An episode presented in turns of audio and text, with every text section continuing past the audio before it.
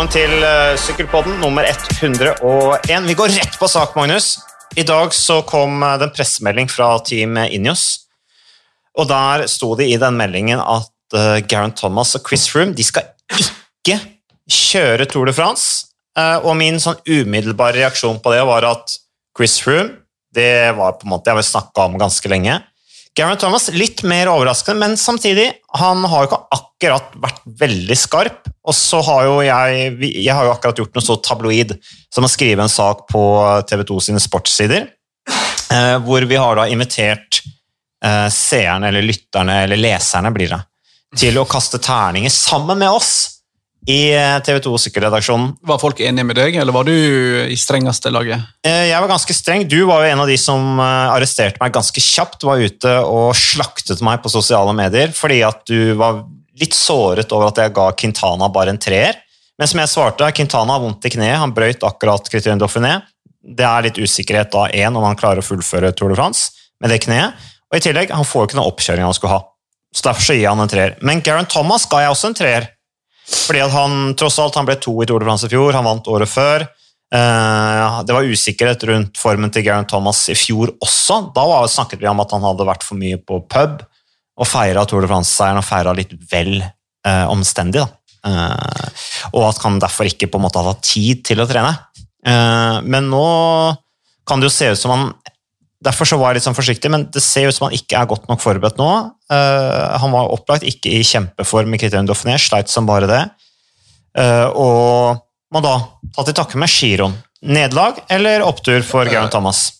Hvis uh, du så den videoen som Injos la ut på sosiale medier, der Bernal snakka litt om Tour de France, Froome snakka litt om Vueltaen, og G snakka litt om uh, Giron, så tror jeg det var et solid nederlag. Han så så lite glad ut, og satt egentlig bare og stirra ut i uh, ingenting, og fortalte om hvor e-, ekstremt mye han gleda seg til Giron. Så han så ikke veldig happy ut. Så hvis vi hadde brukt en ekspert på kroppsspråk, så hadde han sannsynligvis sagt at her er det en som lyver? Ja. Hadde det. Og Froome så egentlig, han var ganske fin, virka oppriktig på at toen kom for tidlig mer realistisk med Vuelta eh, etc. Men ja, Thomas så ikke sånn kjempehappy ut. Uh, og jeg tror for Thomas så er det en Han Klart Giron er viktig for han, men jeg tror han er en syklist som lever for Tour de France. Og det å ikke ta ut mannen som ble med to i fjor, og fort kunne vunnet, og mannen som vant i forfjor Fort kunne vunnet? Tour de France i fjor? Ja, ja i fjor, ja. ja. Men nå snakker vi om i år. Ja, synes... er, du, er, du, er, du, uenig i uttaket til Ineos? Uh, i og med at vi ikke kjenner spillet i kulissene, det er vanskelig å vite hvor masse interne stridigheter det egentlig er. Mm. Om det er null, eller om det er mye. Uh, men han virker litt enklere med å gjøre enn Froome. Det er mitt inntrykk sett utenfra. Oh, ja? Så jeg er overraska over at han ikke er med. Ja. Men så ser du jo på det åttemannslaget. Var det fem eller seks av rytterne var fra samme agenten. Giuseppe Aquadro, som vi har snakka litt om. Så det er jo et slags Team Aquadro Ineos har valgt å sende, med Amador, Castroviejo, Kwiatkowski og Bernal og hele, hele bøtteballetten. Ja, han styrer ja, han mye eh, mer enn det vi tror. Altså. Eh, kulissene. Du husker i fjor også, De la Cruz og påvirkningen av Kvadro hadde på uttaket der til Inios i Spania rundt. Da var det altså franskmannen eh, Elison som egentlig skulle kjøre. Elison måtte snu i hotelldøra i Spania og reise hjem fordi at de plutselig hadde satt inn De la Cruz. Fordi De la Cruz ikke hadde kontrakt med Inios, så Quadro hadde da snakket han inn på Spania rundt laget, sånn at han skulle få muligheten disse tre ukene til å få en ny kontrakt. Det er selvfølgelig bare spekulasjoner fra min side, men jeg synes det var påfallende mange Aquadro-kunder på det laget. Mm. Men jeg vet jo ikke om det, om det er tilfeldig eller ikke. Men jeg er overrasket over at... Det har nok noe med hvem som er i form å gjøre. Altså ja. At Carapaz settes inn på laget, det er jo logisk. Jeg snakket med min far om det i helga, at jeg tipper de kommer til å sette inn Carapaz. Jeg. Så det, mm. det, var jo veldig synd at ikke det var på tape. ja, det var det. Men jeg, er jo litt sånn, jeg frykter jo litt for at uh, Evig pessimist som jeg er. Mm. Jeg frykter jo litt for at målsetningene til Thomas og Froome kanskje ikke blir noe av. Altså på den måten at uh, sesongen fort kan være ferdig etter Tour de France. Ja. Det går jo absolutt feil vei sånn smittemessig rundt om i nesten hele Europa. Mm. Så du risikerer jo at uh, Freeman Thomas plutselig står igjen uten noen uh, store ritt. Men det er, jo- det er å forskuttere litt, da. Ja. Men eh, jeg, tror nok det, jeg tror nok det roer Bernal veldig mye å slippe å ha disse to tidligere vinnerne, to store profilene i sykkelsporten i samme lag. Det roer sikkert litt uh, gemyttene internt her. Ja, og så får du en veldressert Carapaz som jo har kjørt i Movistar-skolen. Uh, som jo en del av disse rytterne de har hentet. Ininios kommer fra. ikke sant? Kommer jo derfra også. Så uh, Landa kan du si var kanskje Ja, Landa har jo ikke kjørt i Movistar, forresten, uh, før han kom til Ineos, men eh, allikevel. Det er eh, Vi får se eh, hva det blir til. Jeg tenk, hvis du skal se det på en litt annen vinkel, så, så tenker jeg liksom for å være litt optimist eh, så hvis jeg hadde vært Garen Thomas, så hadde jeg ikke krisemaksimert. Jeg hadde tenkt at ok, det blir en giro. Jeg er ikke i form. Eh, det jeg har hørt, er at Garen Thomas har trent knallhardt og kanskje dratt på litt for hardt. Eh, og så har han blitt for sliten, eh, og han mangler overskudd. Og at han nå kan få justert inn, og så kan han få en formtopp til, eller klare å justere formen til å bli skikkelig bra i giroen, og være med å kjempe om seieren der. Ja, og Løypa passer han jo veldig fint. Ja, Tre mer tempo, ikke sant? Ja, passer han bedre enn Tour de France, egentlig. Ja, og så, så det er jo en mulighet, tenker jeg, istedenfor å måtte reise til Tour de France eh, veldig usikker på formen, opplagt sliten, og i tillegg ganske tydelig hvem som er kapteinen. Ineos, da. Så du, er, reiser dit som klar, klar eh, hjelperytter. Og en annen ting, når de tar ut Carapaz, som jo hadde ambisjoner om å vinne Italia rundt, forsvare Italia rundt-seieren sin, eh, og setter den inn i Tour de France, som jo i rollen som i utgangspunktet som en hjelperytter for Bernal, så sier det noe om hvor viktig Tour de France er. Uh, og det er jo det, det kan ikke vært bare bare heller for, uh, for, Cara, for Carapaz å skulle på en måte gjøre den endringen der. Uh, og skulle kjempe om seier i giroen til å plutselig kjøre hjelpe, sannsynligvis kjøre hjelperytter i, i Tour de France. Så ja, det er ganske voldsomt bytte, egentlig. Men litt sånn sidespor, da. Det viser jo ekstreme dybden det laget har. da. Du hadde liksom tre kapteiner, Froome, Thomas og Bernal.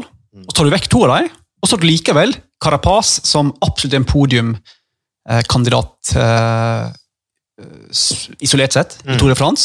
Du sender inn Sivakov, som jeg det kan hende litt for tidlig, men jeg mener at han også i teorien er en podiumkandidat i Tour de France i år. Mm. Så du har tre ekstremt sterke likevel. Og I tillegg har du kanskje nå sier jeg kanskje, de fire beste hjelperytterne i feltet. Amador, Castroviejo, Kwiatkowski, Luke Rowe. Det er fire av de absolutt beste du kan ha i den rollen. Så det er et vanvittig sterkt lag, selv når du tar ut folk som har vunnet ja, Tour de France, eh, begge to, eh, og mange andre triumfer, selvfølgelig. Så det er liksom Det er litt av et det er, det er ekstremt mange gode ryttere, så jeg pleier å si at du kan jo egentlig sende tre fulltoppa inn i slag til Tour de France, og alle tre kunne ha vunnet. Mm. Veldig spent på Sivakov. Men, men. Ja, Sivakov blir veldig spennende. Var jo på en måte den eneste som var igjen i kriterium Dauphiné nylig. Russeren som jo veltet også, eh, og som eh, jo eh, mange har sagt at kan er god nok til å komme i, på pallen i Tour de France. Skal bli spennende å se. Det er NM i helga, Magnus. Det sendes på TV 2. Stemmer. Og vi kavet litt rundt der før vi satte på startknappen, fordi at uh, vi har jo egentlig ikke resultatlister, nei, startlister til, uh, til årets NM. Vi har etterspurt det. Uh, har ikke fått tilsendt ennå. Vi har leita der vi kan leite. Men det er Ikke så overraskende. I den, den tida vi er så er det meste litt usikkert. Det som er klart, er jo at Leknesund, som Pro Cycling skrev på tirsdag, ikke stiller opp. Han reiser, fred, han reiser allerede fredag til Ploué i Gokk i Nordvest-Frankrike for å liksom være forberedt til U23-EM-tempoen som går allerede mandag. Fornuftig vurdering, for så vidt, ja. tenker jeg. Um, men nå er jo Leknesund den eneste som skal sykle på tempo på mandagen, bortsett fra ja, Katrine Aalerud skal også sykle dametempoen, tror jeg, på mandagen. Så jeg, om jeg tolker det rett, så kan jo de aller fleste av UnoX-rytterne komme ned til EM. De skal sykle EM etter NM. Så jeg tror, altså, så jeg tror ganske, de aller fleste vil være med i eh, røyse på søndag. Ja. I dine gamle uh, Mine gamle trakter. trakter, ja. Uh, og det er jo hvor ganske lik. NM-løypa gikk i fjor. Ja, ganske lik. Du har den ene bakken uh, som er vel 140 meter over havet, uh, men litt sånn kupert. Men ikke Ja. altfor kupert uh, løype. Som kan, passe, terreng, som kan passe egentlig de fleste. Ja. Kommer veldig an på taktikken til UnoX i og med at de er ti ganger så mange som alle andre som er der. ja. Um, de kan jo teppebombe feltet med angrep. og, men det er litt usikkert, eh, sånn som jeg tolker det, så skal vel Amund sykle. Han er vel hjemme i Norge nå, i hvert fall. Ja, Tobias Foss er hjemme i Norge. Ja, og så skal UAE-trioen skal jo delta, etter masse fram og tilbake.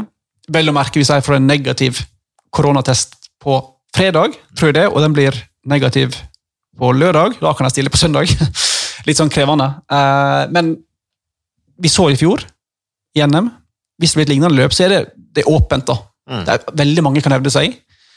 Veldig spent på formen til en del av disse Tour de France-gutta.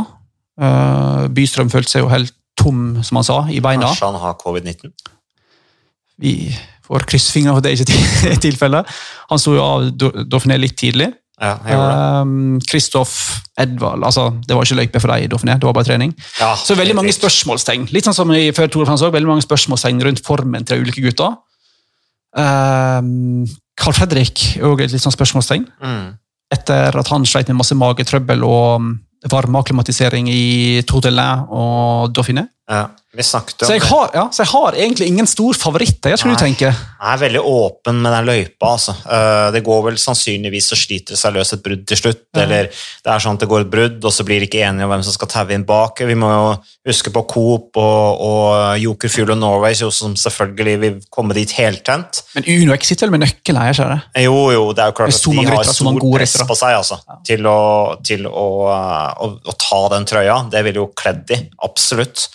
Så uh, de er de store favorittene. En eller annen der, men, uh, men pff, der kan alt skje. Men sannsynligvis er det et brudd som, som går inn til slutt. Det så vi også i fjor. Det det som er gøy med NM, tenker jeg er jo Vi har sett det i alle sykkelritt etter at sesongen begynte på igjen. Det har vært veldig uforutsigbare sykkelritt. Veldig masse har skjedd. Ja. Noen er god én dag, kjempedårlig neste. eh, Noen er ikke i nærheten. Noen er i altfor god form. Eh, Så jeg tror, og i og med som vi sier, at det er veldig åpent, da, både løypemessig og favorittmessig på søndag, så tror jeg det kan bli et utrolig kult ritt. Og NM er til ganske gøy, for det det er så masse taktikk og så veldig mange uforutsigbare ting som plutselig fører til at ett brudd får gå, mens et annet ikke altså, Det, det som er med NM, er at det, det er ikke nødvendigvis den sterkeste rytteren som vinner. Nå kan du si at Amund er råsterk, så han var velfortjent uh, vinner i, i fjor. Uh, men, men utfordringen for de sterkeste rytterne uh, i et NM er gjerne å få gjort rittet hardt nok da, til at de virkelig kan gjøre en forskjell. Eh, fordi det er som du sier, veldig mye taktikkeri, veldig mange som sitter på hjulene til de, til, til de beste rytterne, og så blir ikke det de blir jo ikke, det det er en fare for at det ikke blir det trøkket da, som, som, eh, som i hvert fall World Tour-rytterne er vant til for å kunne gjøre en forskjell. Du nevner Amund. Det er jo bra for han at Leknesund er ikke med. Han Ja. kunne ikke navnet på han i fjor. Han junioren, var det ikke det? Jeg tror han kan navnet på han òg, altså. Nei, den var jo eh, den var litt morsom. Den var litt morsom. Den, eh, den, eh, det var en fargerik kommentar, for å si det litt forsiktig. Men um, Apropos, kan jeg bare ta et Ja, spørsmål? jeg lurer på om folk sikkert på. Apropos Uno X. Eh, Vi skal ikke snakke om Northug-saken her, det snakker nok om. skal vi ikke? Nei, Vi snakker jo om den, Alle snakker om den hele tiden. Hvorfor Ja. ikke snakke om den på sykkelbåten? Jeg tenker at nok folk snakker om den. Eller har du noe på hjertet du har lyst til Jeg har å jo egentlig invitert Petter Northug til. Jeg pratet med Ja, han før sommeren. Nå må vi revurdere den, tydeligvis. ja, ja, men skal vi liksom eh, Skal vi gi han en ny sjanse, eller skal vi fordømme han ved å ikke invitere han inn her? Poenget mitt var jo bare at UnoX tok jo et helt sånn tydelig standpunkt veldig tidlig. Dagen derpå, Ja. tolv timer etter at uh, nyheten sprakk, så var det ikke tydelig at uh, vi kanskje sender 22 mann ut i trafikken med Northug-briller. Syns jo jeg i, i mitt hode høres veldig fornuftig ut. Men det har fått litt sånn motbør etterpå, da, Mm. av andre samarbeidspartnere. Hva tenker du om UnoX i beslutning å bare si at våre verdier er ikke forenlig med dette her, vi må Jeg samarbeidet? syns det er helt riktig. UnoX jeg støtter litt på det. Eh, Det er en veldig sånn verdidrevet organisasjon sånn rent forretningsmessig også. Det, det er helt naturlig at de gjør det, eh, og det tror jeg også Petter Northug bare skal si at det skjønner jeg godt. Det syns jeg er helt greit, og jeg tror at for Petter Northug sin eh, skyld, eh, så tror jeg, de gjør, tror jeg folk gjør han en bjørnetjeneste om han ikke får noen reaksjon, negative reaksjoner. Og det han har gjort, nå er det klart det blir feng, sånn, muligens fengselsstraff, og det er klart at dette her kommer til å, å, å koste han, eh, men det ville vært veldig jeg tror, jeg tror det gjør han en bjørnetjeneste altså, om alle samarbeidspartnerne bare er viser han velvilje. Jeg tror på en måte at jeg tror han skjønner og er voksen nok til å forstå at det der får konsekvenser. og at en stor organisasjon som jo tross alt UnoX er, eh, som jo er en del av Reitan-systemet, må ta et standpunkt. Eh, og det er ikke overraskende at de som også er så tett på mot, som er så opptatt av forbilder, eh, dette med, med kjerneverdier i, i, virksomheten, at de, at de sier vet du hva, dette, vi, vi, kan ikke ha et samarbeid med deg lenger. Og argumentene som de bruker, også dette med veisikkerhet, og viser eksempler på, på folk som blir kjørt ned og drept ut i trafikken eh, pga. uaktsom kjøring, eller pga. Eh, av hasardiøs kjøring eh, med eller uten rus. Eh, klart, det, det er helt logisk. Jeg så forresten en UnoX-rytter som, som, som sykla på veien når jeg var på vei hit for å treffe deg, Magnus. Og vedkommende, jeg, ikke, jeg så ikke helt hvem det var i farta, men han hadde ikke sykkelbriller på seg. Så, så nå leter de etter en brillesponsor, fordi gutta trenger briller. Det, det er ganske mange UnoX-hytter rundt her oppe. da. Altså Nå snakker vi da på Nordberg, helt i inngang til marka. Hver gang vi sykler, så ser jeg folk ute i om det er Maridalen eller Sørkedalen eller Tryvann, eller uten at det er så veldig interessant for andre enn meg, merker jeg. Mm. Veldig sånn god historie jeg kommer med nå. Ja, ikke sant? Ja, ja var sterk. Men videre, Magnus, så har vi Det skjer jo utrolig mye om dagen. Ja, det, det, er liksom, det. det, er litt sånn vanskelig å skulle holde folk oppdatert. Mm. Fordi det er så mange spørsmålstegn rundt sikkerhet. Folk krasjer stygt hver eneste dag. Senest i går så jeg satt og så på Giro dell'Emilia, mm. og så er det plutselig Matti Kataneo går over um, Autovernet heter det. Ja. Var ute nå, Han brakk et, en ryggvirvel, D12, tror jeg det var, midt på ryggen. Han er ute lenge. Vi har jo sett uh, sjakkmann i bilen, vi har sett Evenepool over brua, mm. brua, vi har sett selvfølgelig Jacobsen i Polen. Mange andre stygge velt. Uh, men det som kanskje opptar folk mest, er jo når vi nærmer oss ja, litt over ei uke til Tour de France, så er det vel litt sånn ståa på disse her sammenlagt-gutta. Er ikke det? Der sånn cirka alle, uh, iallfall utad, sier at de har um, småskader. Mm. Når jeg sier utad, så er jo det fordi at selvfølgelig sykkelfans begynner å spekulere i ja, er det egentlig skade, er det mind games, er det forsøk på å ta kortison for å få TUEA? Det er mange rare som konspirasjonsteorier. Ja, jeg så du så den der eh, tweeten til uh, Magnus Kort. Magnus Kort i går. Den var spesiell. Ja, At han uh, skrev Han svarte på Det var Velo Europa. Som, som er litt sånn uh, høyrefløy Eller uh, veldig radikal, iallfall. I okay. sykkel. Det er sykkelsportens uh, Resett? sender ut veldig mange sånne konspirasjonsteorier som jeg syns av og til kunne holdt seg for gode til. Okay. Men de, nå var det ganske nøytralt. De skrev bare Buchmann ut med skade, Roglic skada, Pinot skada, Landa skada, bla, bla, bla, bla. Og så kom Magnus Kort og bare Moské eh, De kanskje bare trenger kortison og kjøre enda fortere i Tour de France. Ja, synes, Kanskje det er det de trenger? En skade? sånn at de kan ta kortison? Men Det er jo spesielt å skrive det, tenker jeg. I sosiale medier. Nå er det liksom dansk, så det er sikkert ikke Cycling News og alt sånt plukker ikke nødvendigvis det opp. Men det er jo ganske spesielt å bare skrive det rett ut. ikke?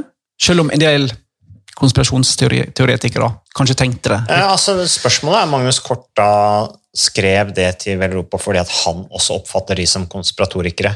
Så han på en måte bare vil bygge opp under ja, og fremheve de som konspiratorikere. Uh, alternativt så er det fordi at han uh, sitter i, midt i feltet der og føler at uh, enkeltutøvere fremdeles misbruker kortison.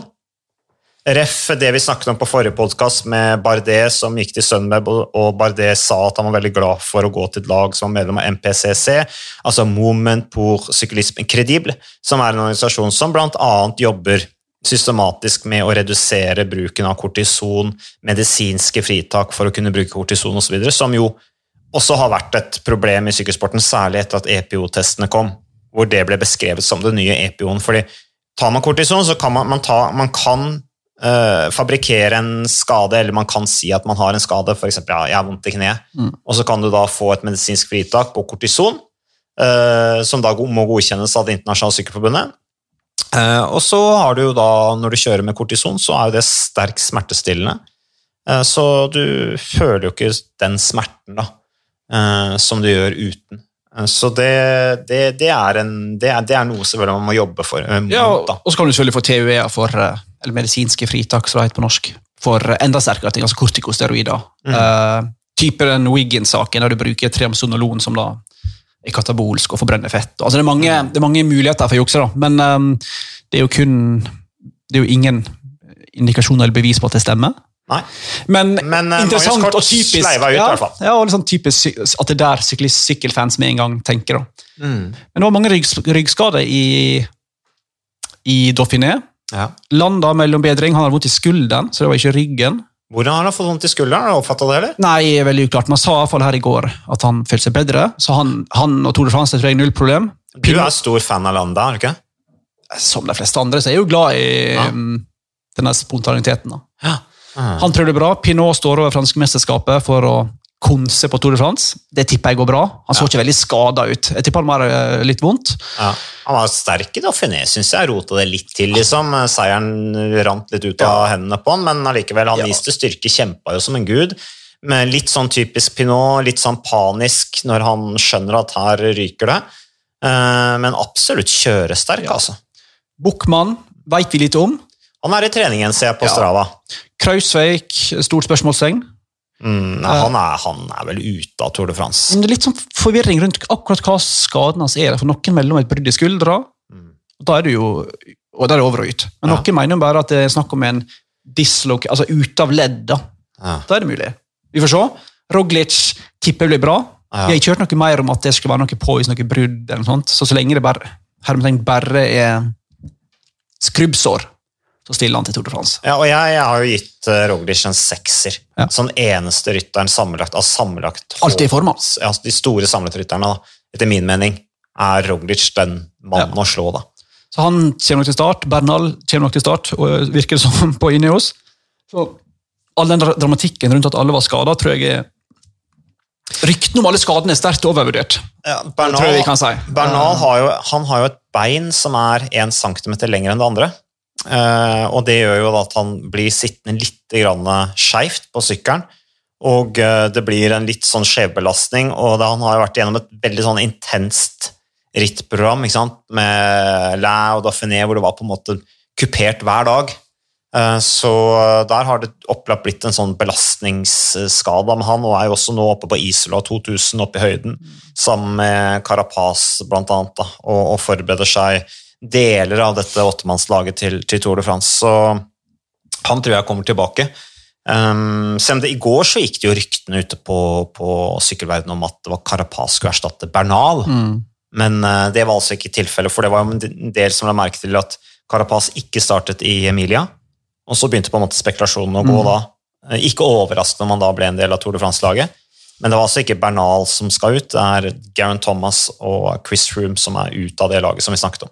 Legger du merke til i sosiale medier, apropos sånne rykter som du sier med at Bernal kanskje ikke kan stille, og Mm. at jeg føler egentlig alle sosiale medier, med selvfølgelig noen unntak, da, vil inni oss vondt. Merker du det? Ja, men Jeg tror alle på måte, vil at Froome skal tilbake. Ja. At, at Bernal egentlig skal elske. Jeg tror mange vil det bare sånn for at når du er så god som du er, da, så får du, litt, du får utrolig mange folk som ikke vil det vel. da. Ja, men Twitter er jo et mange- sted hvor det er mye hat, da. Veldig masse hat. Men jeg tror veldig mange godter seg over når Ineos mislykkes. Utrolig Utrolig lite populært lag sånn tilsynelatende i Og alle vil jo selvfølgelig holde med underdogen isteden.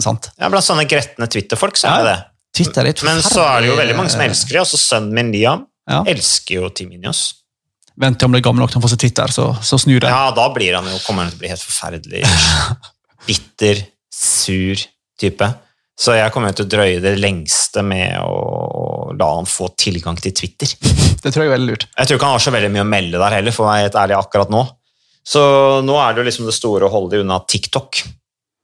Det tror jeg vi også holder oss Nei, Du har sikkert fått til TikTok, du. Du er en sånn influenser. Nei, men jeg, jeg, jeg, Jeg gir det to jeg uker. Gir det to uker, sannsynligvis må jeg på det, da.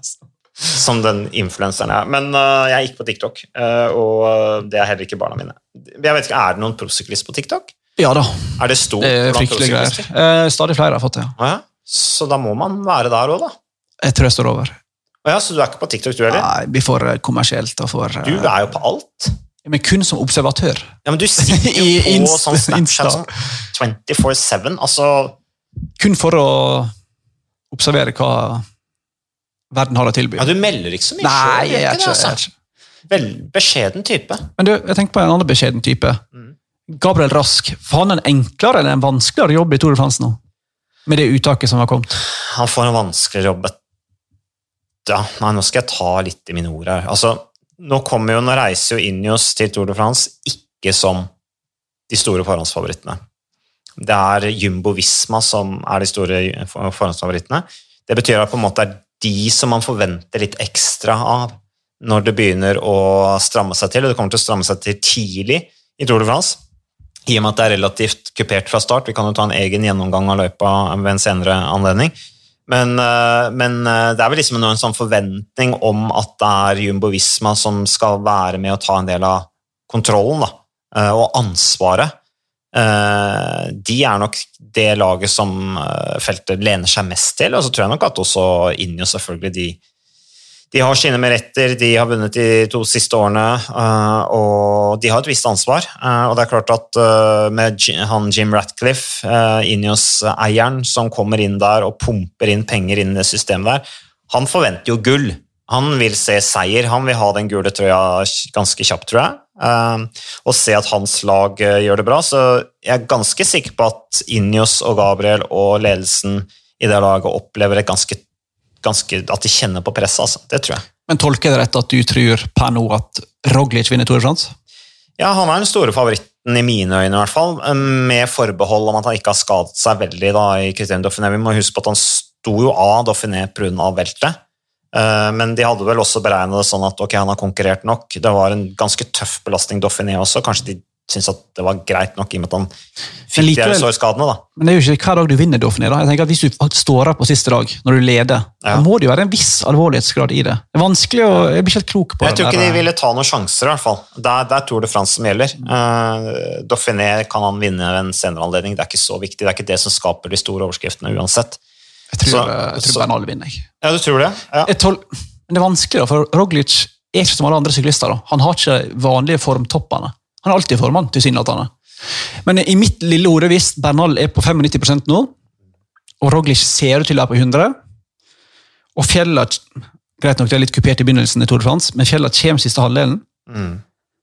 Og det er virkelig Bernal, tøffe fjelletapper, altså, ja, da, med de lange, tøffe fjella. Og jeg tror er, det er annerledes enn det vi har sett i nå i sesongen. Da, og Bernal har, i mine øyne, et enda høyere maks et maksnivå inne enn Roglic. Så jeg ja, det er vanskelig. Men, men akkurat Bernal... per i dag så har jo Roglic et gir mer enn Bernal igjen. Absolutt. Ja. Så vi får bare se om han eh, Nå er det jo, er jo det er lenge til de er i Paris. Det er ikke lenge til Tour de France-starten, men det er en stund til de er i Paris. Så det er noe med å holde den formen. Vi har jo sett Roglic også være knallbra i starten av giroen, f.eks. Eh, og så faller han litt igjennom, men forskjellen er at nå har han jo et annet lag rundt seg da, enn det han hadde i ja. det, Og der var det et par faktorer som ja, altså litt sånn der, Han ble tre? Ja, litt sånn uheldig tissepause, mekanisk trøbbel, hvis du husker mm. for Jumbo Visma, litt sykdom og litt krasj. Mm. Så det var litt sånn... Mista vel årets til pluss tidlig? Var ja, ja, så det var litt sånn um, formildende omstendigheter i Giron. Ja. Um, Dumoulin er jeg spent på. Tom Dumoulin. Han syns jeg ser bra ut. Han ja, jeg en terningkast fem ja. på den der bedømmelsen min. Spørsmålet er bare om han har nok konkurranse i beina, i og med at han mista over 400 dager. da han var tilbake nå. Om, om, det i løpet av tre uker vil straffe seg. Det er vanskelig å vite. da. Jeg syns det ser ut som Demoulin koser seg. Mm. I de rittene jeg har sett han nå, at han liksom han har ikke det presset han hadde i Sunweb. Mm. Uh, han er liksom innstilt på at ja, nå kjører jeg for uh, lagkameratene mine, som er bra. Uh, gjør den jobben. Gøy å være på et lag hvor, hvor vi kan dele litt på ansvaret. jeg kjører hjelperytter, kjører meg litt i form. Hvis jeg gir meg litt tidligere med oppover fjellene her, så gjør det ingenting. Uh, og, og, og, så syns jeg han kjørte seg i form under Dauphiné også. Var jo veldig sterk synes jeg, på siste etappen her. Altså. Så han tror jeg blir knallbra i Tour de France. Men Apropos um, briter som ikke er med. Mm. Freeman Thomas og ingen Geigenhardt Hart. og Veldig få på Ineos. Ingen Cavendish. Nei, så akkurat å si det. Jeg sitter og sett på Valoni hver dag nå. Han virker til å være like langt unna form som han har vært siste jeg ser, ett og et halvt år. Jeg ser egentlig ikke bedring. jeg. Jeg vet, jeg hører Rod Edlingworth si at ja, men tallene er ganske bra. Kevin snakker om at ja, han begynner å nærme seg. Jeg ser satt på spissen ingen framgang siden starten av 2018-sesongen. Gjør du? Nei, jeg har sagt han er ofte godt posisjonert. at, han, at, jeg tror han er ja. ferdig. Og Phil Bauhaus, god spurter i Børheim McLaren. Sist i Valonis var han jobben med å trekke han opp. Tenker sånn, Hvis jeg var Bauhaus og Kevnish nesten hver eneste spurt slutter å prøve med 100 meter igjen, eller bare ikke har beina til å prøve igjen. jeg vet ikke. Han er jo full av melkesyre. Ja, da hadde vært ganske irritert hvis jeg var Phil Bauhaus, som er så god, og må ofre sjansene sine for en som helt åpenbart ikke er i form. Men nå får han jo, kan jo umulig komme en Tour de France, Cavendish, så um, da får kanskje. Bauhaus plass der. Men um, ja, så er det spørsmålet med Yates-gutta. Litt sånn De ser jo ikke veldig bra ut, Nei, Nå hadde han veldig masse magetrøbbel, han Adam Yates, da. Eh, men Faller av med hva han Ja. Hatt, liksom. og Simon Yates skal til Giro om jeg husker riktig. Men nå er det så uklart hver dag her da, hva som skjer. Men eh, jeg tror ikke det blir veldig mange briter som kommer til å sette farge på Tour de France i år.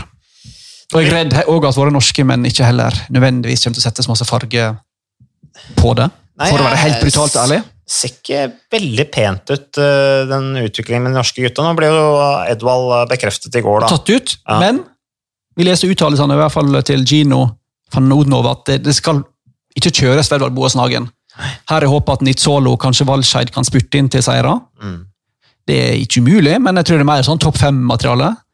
Og så har du et slags wildcard med Pozzo Vivo og kanskje en Kreuziger i fjellet. da. Kanskje Michael Gøgel og Edvald og Valgren kan gå i brudd på kuperte Mm. Men som Kino sier eksplisitt, det skal ikke kjøres for Edvard Boasnagen.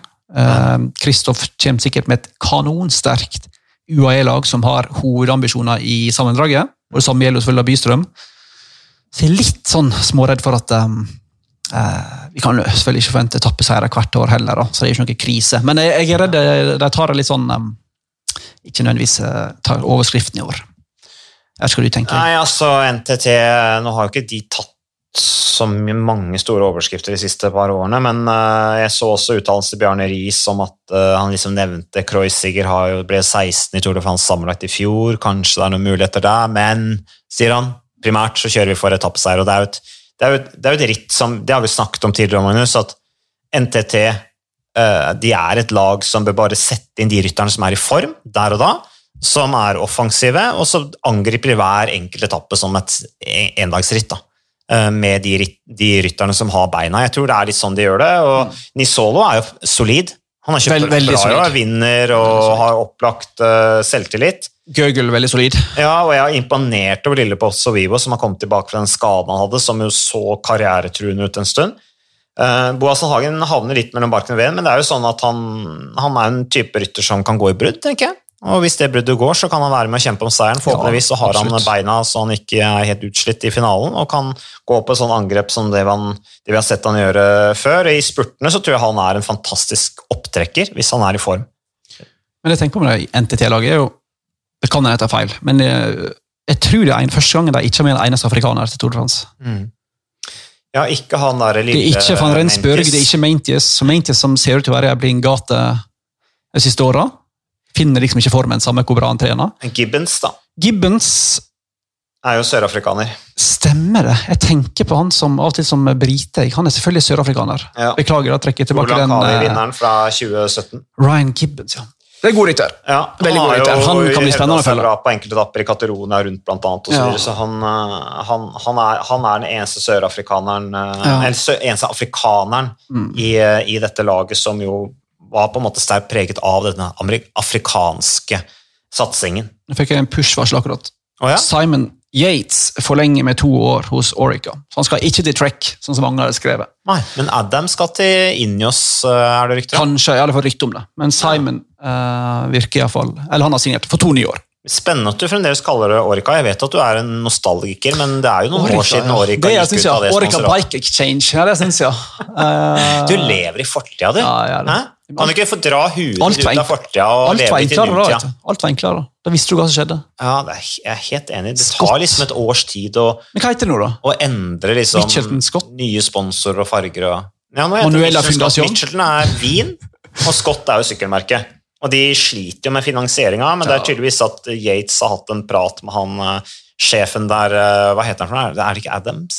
Nei, det er i uh, Sylvan Adams i Israel. Og Israel. Shane Bannon. Ja, Nei, Nei, eh, er Jerry. Ryan. Ryan er det som Jerry er. Ryan, Det er han som er eh, eieren av, av laget. Uh, og at han kanskje har sagt at dette ordner seg og vil fortsette å satse på det. Så det, et, et, vi anta at uh, Yates har litt oversikten over, uh, over fremtida. Eh, ellers, eh, du sier at du har sett på sykkelløp. Jeg, jeg har ikke sett så mye på Vallon, jeg har ikke vært sånn veldig høyt oppe på prioriteringslisten, men jeg så etappe eh, to. Eh, og da bare tenkte jeg å gud bedre og glad jeg ikke er for at jeg er syklist, tenkte jeg. Men Var slags, det da alle trynte? ja, hva slags forhold er det disse rytterne skal sykle under? Altså, det var de verste veiene, og det var alt mulig rart, slags hindringer i veien som Og feltet kom dundrende der, og det, nei, det så ikke bra ut. Velt etter velt var det òg. Jeg tenkte bare åh, det var litt- stakkars gutta. Det var litt uh, krise. Mm. Så har jo arrangøren sagt at sorry, men dette var det beste vi fikk til på kort varsel. Veldig mange startbyer må huske, og målbyer trakk jo seg for de ikke ville ha et ritt- sykkelritt i koronatider, så måtte vi finne plan B. Så det er litt sånn, det er litt unnskyldt, men samtidig så er jo arrangøren altså, altså hovedansvaret, er jo Christoph Brandt. i Ja, Tour de- tidligere Tour de Valais. proffsyklist. Han er tidligere proffsyklist. Mm. Han husker sykla på tida mi, han. Ja, han gjorde det. Uh, han la vel opp i 2010 eller noe sånt. Men det er det som overrasker meg stadig vekk, at du ser veldig mange tidligere ryttere i arrangør staben til ulike arrangører, om det er RCS eller ASO eller eh, eh, hva heter det, Flanders Classics. Mm.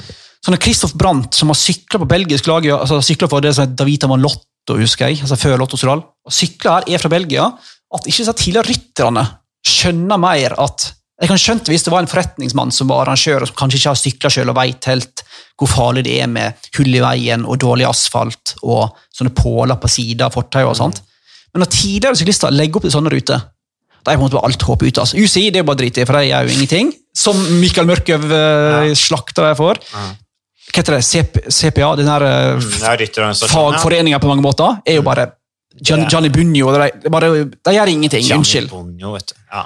Uansett, det blir ikke gjort noe. Og ikke engang da arrangøren, som er tidligere syklister, som vet hvor viktig det er, heller ikke klarer å lage trygge veier, og RCS insisterer på ned Sormano, samme hvor mange som tryner og skader seg alvorlig hvert eneste år, der Evenepool krasjer nå. Vi har jo hatt De Pluss, vi har hatt Jan Bakelands, altså mange stygge skader her. Altså, den den, den holde var jo samme som Evenepool velta nå. Ja. Akkurat Ja, samme akkurat utforkjøringa. Så hvorfor kutter ikke bare ut denne Men det er det som er poenget mitt. Og så får du bilene i løypa. Altså, hvis, det er jo ingen som evner å sørge for at det her er trygt. Og det som da overrasker meg litt, er at ikke rytterne i større grad Nå har, like, riktignok et par ryttere, som Dumoulin, litt sjakk men Noen har måtte sagt at det her går ikke lenger. Mm. Men det er likevel veldig lite sånn Kanskje jeg bare streiker litt, da. Jo, jeg så De gjorde litt i Dauphiné noen i fem som- kilometer, men da var ikke kamera på. og det det har null effekt. det har det. Mm. Jo, som tilhenger av demokrati er jeg jo ofte skeptisk til uh, streiking. Det må Ja. være sånn siste, siste utvei, tenker jeg. Men når det er ingen Jeg trodde du var litt sånn revolusjonær. Jo, men når det er ingen, når det er ingen av disse såkalte stakeholders, hva heter det på norsk? Uh, uh, stakeholders Ja, altså, ikke arrangører, Interessenter, men- eller ja, altså. Når ingen har lyst til å gjøre noe for at det blir tryggere løype, år etter år etter år, da er en siste utvei, tenker jeg, at du bare streiker litt. Men så er selvfølgelig rytterne. sant? Det er kort sesong, de vil selvfølgelig sykle og tjene penger, og de er så interesserte for nye lag. altså... De er sånne små soldater nå, vet du. Ja, det er det. De Så det er vanskelig for deg. De er så innmari profesjonelle. Men at UCI liksom aldri klarer å og lojale mot uh, lagets uh, verdier, Ja. og hvordan de fremstår. Du ha, du har på en ikke de rebellene som du hadde i gamle dager, uh, med bl.a. Bernhard Hinault, ikke sant, som hiver seg inn i Når de blir hindret av demonstrasjoner på veien og står og slåss med, med publikum. Og de frontpersonene som du hadde, da, med Cipollini og hvem det nå måtte være, som, som, som på en måte sa ifra, da. ja, for Jeg innbiller meg at hadde Lance og Cancellara sykla i dag, så har jeg sagt fra på en helt annen måte. Ja. Nei, jeg husker jo, jeg husker jo vi streika i 2003 pga. at vi måtte bruke hjelm, blant annet. Kjempe, kjempeinitiativ, Mats. Ja, det, Gud forby men, eh, hjelm, jeg sikkerhet. var jo bare Jeg måtte jo bare føye meg med flertall, liksom, så vi streika. Og jeg syns jo for så vidt det var frihet. Jeg kunne velge om jeg ville bruke hjelm eller ikke. Uh, I dag så, så ser, ser jeg, var- ser litt annerledes på det, men, uh, men uh, det var liksom når man ble proff i gamle dager, så var det sånn, ja, da, da trenger du ikke å bruke hjelm på sykkelløp. Og den, den retten var det veldig mange i feltet som ville ta vare på, men det var faktisk Armstrong som sa at nei, dette gidder jeg ikke, vi kjører. Han hadde vel en av spesialavtalene med Giro, så han tenkte kanskje at det, det, det, det kledde seg ikke. Men eh, jeg er helt enig med deg, Magnus, at uh, det er på tide å det, er, det er viktig å si ifra litt. Og så kan man jo Jeg så Christoph Brandt gikk ut på Twitter og bare la seg flat. Beklager, sa han. Beklager at dere måtte sykle under disse forholdene. Og så fikk han jo en viss sånn sympati, da. Blant, Jo, eh, men da bør en tidligere rytter som Brant skjønne at hvis de ikke kan ha det trygt, får de avlyse etappen. da. ja. Får ta tre etapper. da. Mm. Det kan liksom ikke alltid gå på bekostning av de som skal utføre idretten. Av og til må vi si ok, økonomisk er det litt krise for oss å avlyse en etappe, men tross alt bedre enn å at folk tryner gang på gang på gang om dagen. Ja, men jeg tror det er litt det der at eh, de veit at det er så mange sykkelryttere som er eh, så utrolig desperate etter å få konkurrert. Eh, Du har lag som er helt desperate. Um, Og jeg husker jo det når vi sykla, og det var liksom Hvorfor måtte vi starte etappene i, i Tour Down Under klokken to på dagen? Altså når det er på det varmeste. Men da, når det er én som sykler, så sykler alle etter. ikke sant? Det er sånn saueflokk, da.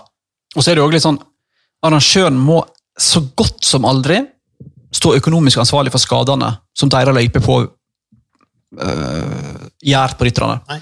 Så klart, hvis, hvis alternativet er å tape masse penger og avlyse en etappe, eller å krysse fingre og håpe det går bra, og du taper ikke penger uansett, da gjør du selvfølgelig det siste. Så hvis arrangøren i større grad må ta ansvar for løypen de lagde, så vil dette forandre seg. Men som vanlig sykkel så er det jo ingen som kan reglene eller vil eh, håndheve reglene, og det er ingen som har jeg vet ikke, altså, Hvor er UCI alt sammen? Det er jo tross alt det internasjonale forbundet. Hvor er Ja, de jeg, jeg, jeg synes jo det er et godt eksempel. En ting er jo når det er plutselig en ny vei som dukker opp, men jeg, jeg synes at den, den vi snakka om i stad, den derre Muro di Sur-. Sormano, denne utforkjøringen i, eh, i Lombardia rundt, um, hvor jo Lawrence Plus du nevnte, Jan Bakelands, Simone Petit har gått ned der også stygt, og nå går uh, Evnepool altså nå er liksom, ok, hvorfor Hvorfor har vi den, den utforkjøringen her? Og hvis vi først skal ha den utforkjøringen sørg i hvert fall for å polstre sånn som de gjør i, i utforrenn i alpint. da. Fordi at uh, her er det liv som kan gå tapt. Når det gjentar seg år etter år etter år, uh, så, så tror jeg på en måte UCI må si at gi rødt kort. da. Her må dere gjøre løypeendringer, eller dere må uh, sette, sette inn sikkerhetstiltak sånn at vi i hvert fall slipper at vi får rytter som fyker utfor bruer og sånne ting. Det, det burde være et krav. Og et uh, litt applaus for uh, hun er dama som klarte å forville seg inn i løypa og kjøre på Ja.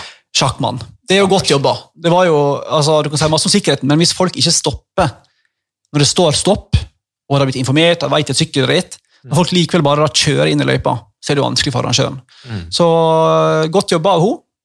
Sjakkmann mister nå sannsynligvis Tour de France, da. Kragebeinsbridge. Kragebeinsbridge. Det er synd. Det har vært en Ja. av årets ryttere. En av altså. verdens beste ryttere som har mistet eh, verdens største sykkelritt i en veldig viktig sesong. Vinner Så av grattis med dagen til. Synd det, altså. Jeg har gleda meg til å se han i Tour de France. Han tror jeg kunne virkelig gjort det bra, i hvert fall på enkelte etapper. At han kunne Absolutt. virkelig tatt for seg.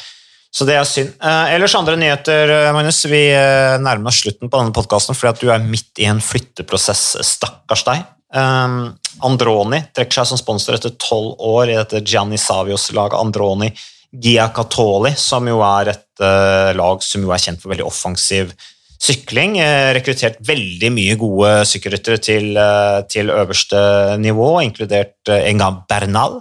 Så um, vi får jo håpe at det laget fortsetter å eksistere. Apropos linken med han her uh, godeste bakeren uh, eh, Altså eh, han vi snakka om i stad. eh, Aquadro. sykkelagenten. Uh, Sidermek fortsetter, og Savio leder, leter etter ny hovedsponsor. er Evig litt- problem i sykkelsporten. Det er litt trist, Det De har stått for altså Androni har vært med på det beste lagnavnet i sykkelsportens historie, kanskje. Den perioden der heter Selv Italia Serramenti PVC Dicvi Giovanni Androni Giacatoli. Ja, han er flink Han er til å bare kreativ hente på inn sponsor. ja, er- Han lager stygge, så drakten i feltet, riktignok. Men det får Ser ut som sånn der eh, avisforside, egentlig. Ja, det er det egentlig. Uh, så uh, Men uh, ja, morsom sykling. Det har vært mye doping der òg, da. Ja, Gianni Savio gir F. Mm. Får en tidligere synder på en lav lønn, så han, han. Dørene åpne. Ja, han Ja, ja, gir eh, folk nye sjanser. Ja, det skal ikke tvile på. Det, der er lov å gjøre feil. Eh, Ellers, eh, Cecilie Utrup Ludvig eh, vant Giro della Emilia i går foran eh, Rasa Lei Hvite og Paulina Rojakers.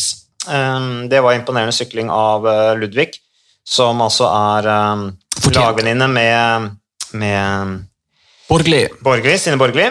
Ja, Eh, fortjent. Hun har vært mange ganger nummer to, tre, fire, fem, seks i store ritt siste åra. Hun uh, Ludvig. Så det tror jeg mange unna henne en stor seier. Stine Borgli kom også fint inn i det rittet rundt eh, 20.-plass, så vidt jeg husker. Alexander Vlasov vant jo da herrenes eh, utgave. Eh, Eiking brøyt, dessverre, så disse gutta er ikke i De norske gutta de er ikke i kjempeform. altså Vi er litt skuffa over det, i og med at de har kunnet sykle såpass mye ute i denne koronaperioden. Vi håper de kommer seg utover høsten. Vlasov, han er jo eh, Han er jo liksom the coming man, altså, hvis han eh, fortsetter den utviklingen der. Kommer jo ikke fra noen sykkelfamilie i det hele tatt. Spilte fotball og drev litt sånn allsidig idrett som eh, ung. Begynte å sykle sånn Hadde ikke han sånn judobakgrunn òg? Ja, jeg trent med judo, da. Uh, men sykla jo også, liksom. Fra, men holdt på med litt forskjellig. Og så reiste han da til Italia som juniorsyklist alene. Det er sånn typisk disse østeuropeerne. De setter seg på toget, og så reiser de bortover, og så oppsøker de et eller annet lag eller en sykkelbutikk og spør om et lag. Han blir jo da en del av dette Viris Maserati-laget i 2016, som har base da utenfor Milano. Uh, Maserati, som for øvrig ikke har noe med dette bilmerket å gjøre, det er uh, stammer fra lagets president å gjøre, navnet hans. Men uh, gjorde fort bra som junior, vant store ritt som, som junior. Og så har han jo da hatt en fantastisk utvikling, uh, bl.a. med seier i U23-giroen for to år siden. Vlasov, så han sendte jo noen signaler tidlig om at han hadde potensial. Det hadde han. Ja, han har vært god i flere år. Vi har sett sporadiske resultat som har vist at han kan klatre. men voldsom forbedring. Mm. med godt tospann med, med Folsang de to visste, ja, Du vet aldri hva Astana plutselig gjør. Jeg så Sean Kelly var ute og mente at han burde inn i Tour de France. Ja, Miguel, Miguel, Miguel Angel Lopez har ikke sett eh, ut som sitt Han har vært ok, men ikke, ikke nærheten av toppnivået vi setter han på før. Nei, men Lopez, Det som jeg synes er med Lopez, det skrev jeg vel i den der bedømmingen av disse favorittene også, at Lopez har kanskje mangla litt av den der uh, eksplosiviteten. Ja, han har det. Uh, men samtidig, han er jo seig. Ja, han, har dårlig, han har altså. ikke noen dårlige dager. Nei. Så plutselig så er han Det er ikke noen stor overraskelse om han er topp fem i Tour de France. Men hadde det vært Folsang, så hadde jeg måttet bare sagt at i og med at det er masse usikkerhet rundt kalenderen nå, eh, det er lenge til Giro, blir det noe Giro, jeg er i kanonform, da ville jeg argumentert sterkt for å komme inn i Tour de France der. Ja. Hvis jeg var han. Enig i det. Så uh, Folsang tar en liten sjanse altså, når han ikke kjører Tour de France, men samtidig Folsang har bare utvikla seg mer og mer til en endagsrytter. Og det er veldig det er et B-preg over Giron hvis du sammenligner Giron med Tour de France i år, så det er jo noe med å vinne en treukerstor. Det ville jo vært et gjennombrudd Nå er største favoritten borte i Remco Evenepool òg, så Ja, ikke sant. Nå slipper de det, da. Så, um, men inn med Garen Thomas, så det blir gøy. Uansett. Inn med Garen Thomas. Det blir spennende å se om han da klarer å motivere seg til å prikke inn toppformen til Italia rundt, som vi snakket om tidlig i denne podkasten. Ellers av Anette Lillian Kalmershan skal til Argestein, det har vi allerede snakket om. Har tolv seire Kalmershan, inkludert etappe i Tour de France og La Vuelta. Johannes Staune Mitte så jeg, skal til Jumbo Visma sitt utviklingslag. Ja, den har jeg hørt om noen uker. Mm. Det tror jeg er en god deal. Høres fornuftig ut. Det er spennende. Så Staune Mitte som Dette er jo da altså utviklingslaget vi snakker om nå. Broren sykler jo i i Joker Fuel of Norway. Staune Mitte, som jo er fersk junior-norgesmester i tempo fra i, i sommer. Så um, det blir spennende. Det kan jo um, være at uh, Jumbo Visma ønsker å utvikle norske sykkelryttere. og det er jo også flott, syns jeg, at vi får fordelt disse norske talentene litt utover i andre lag, at ikke alt havner inn i UnoX også. Det er bra at de blir utfordra litt også. Så blir det spennende å se også utover hva Coop og Joker Fuel of Norway hvordan satsingen der blir i, i 2021. Men jeg vet ikke om det er noe mer vi skal ta opp da, Magnus, hvis det, om det er noe du har spesielt på, på hjertet?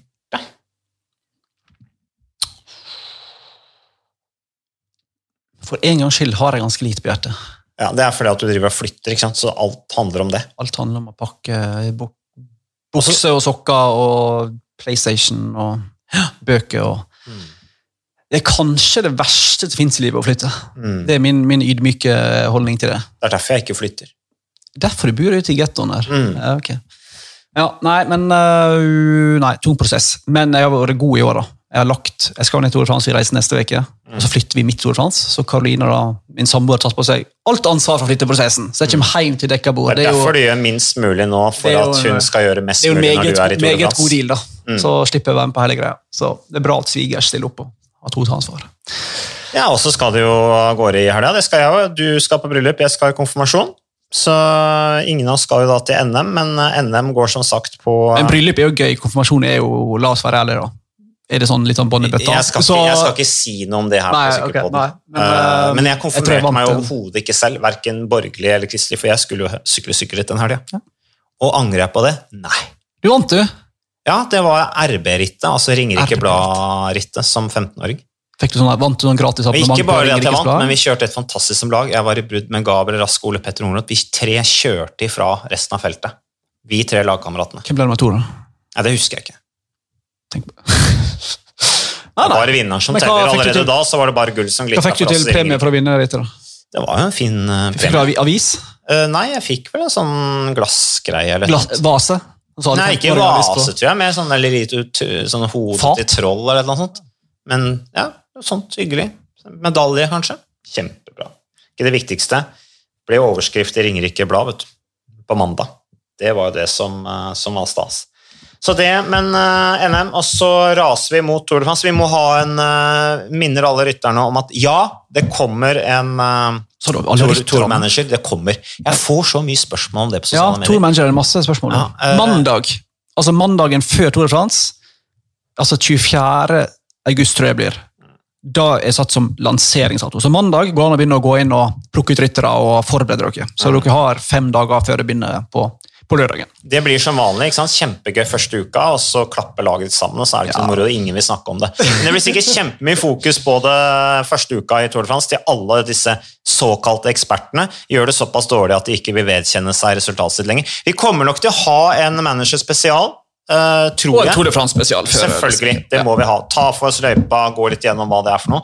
De som ikke vet hva Tour de France er, sånn at de også er litt informert om det. Så da takker vi for eh, oss, og så takker vi igjen for at du hadde tålmodigheten og orket å høre på Sykkelpodden.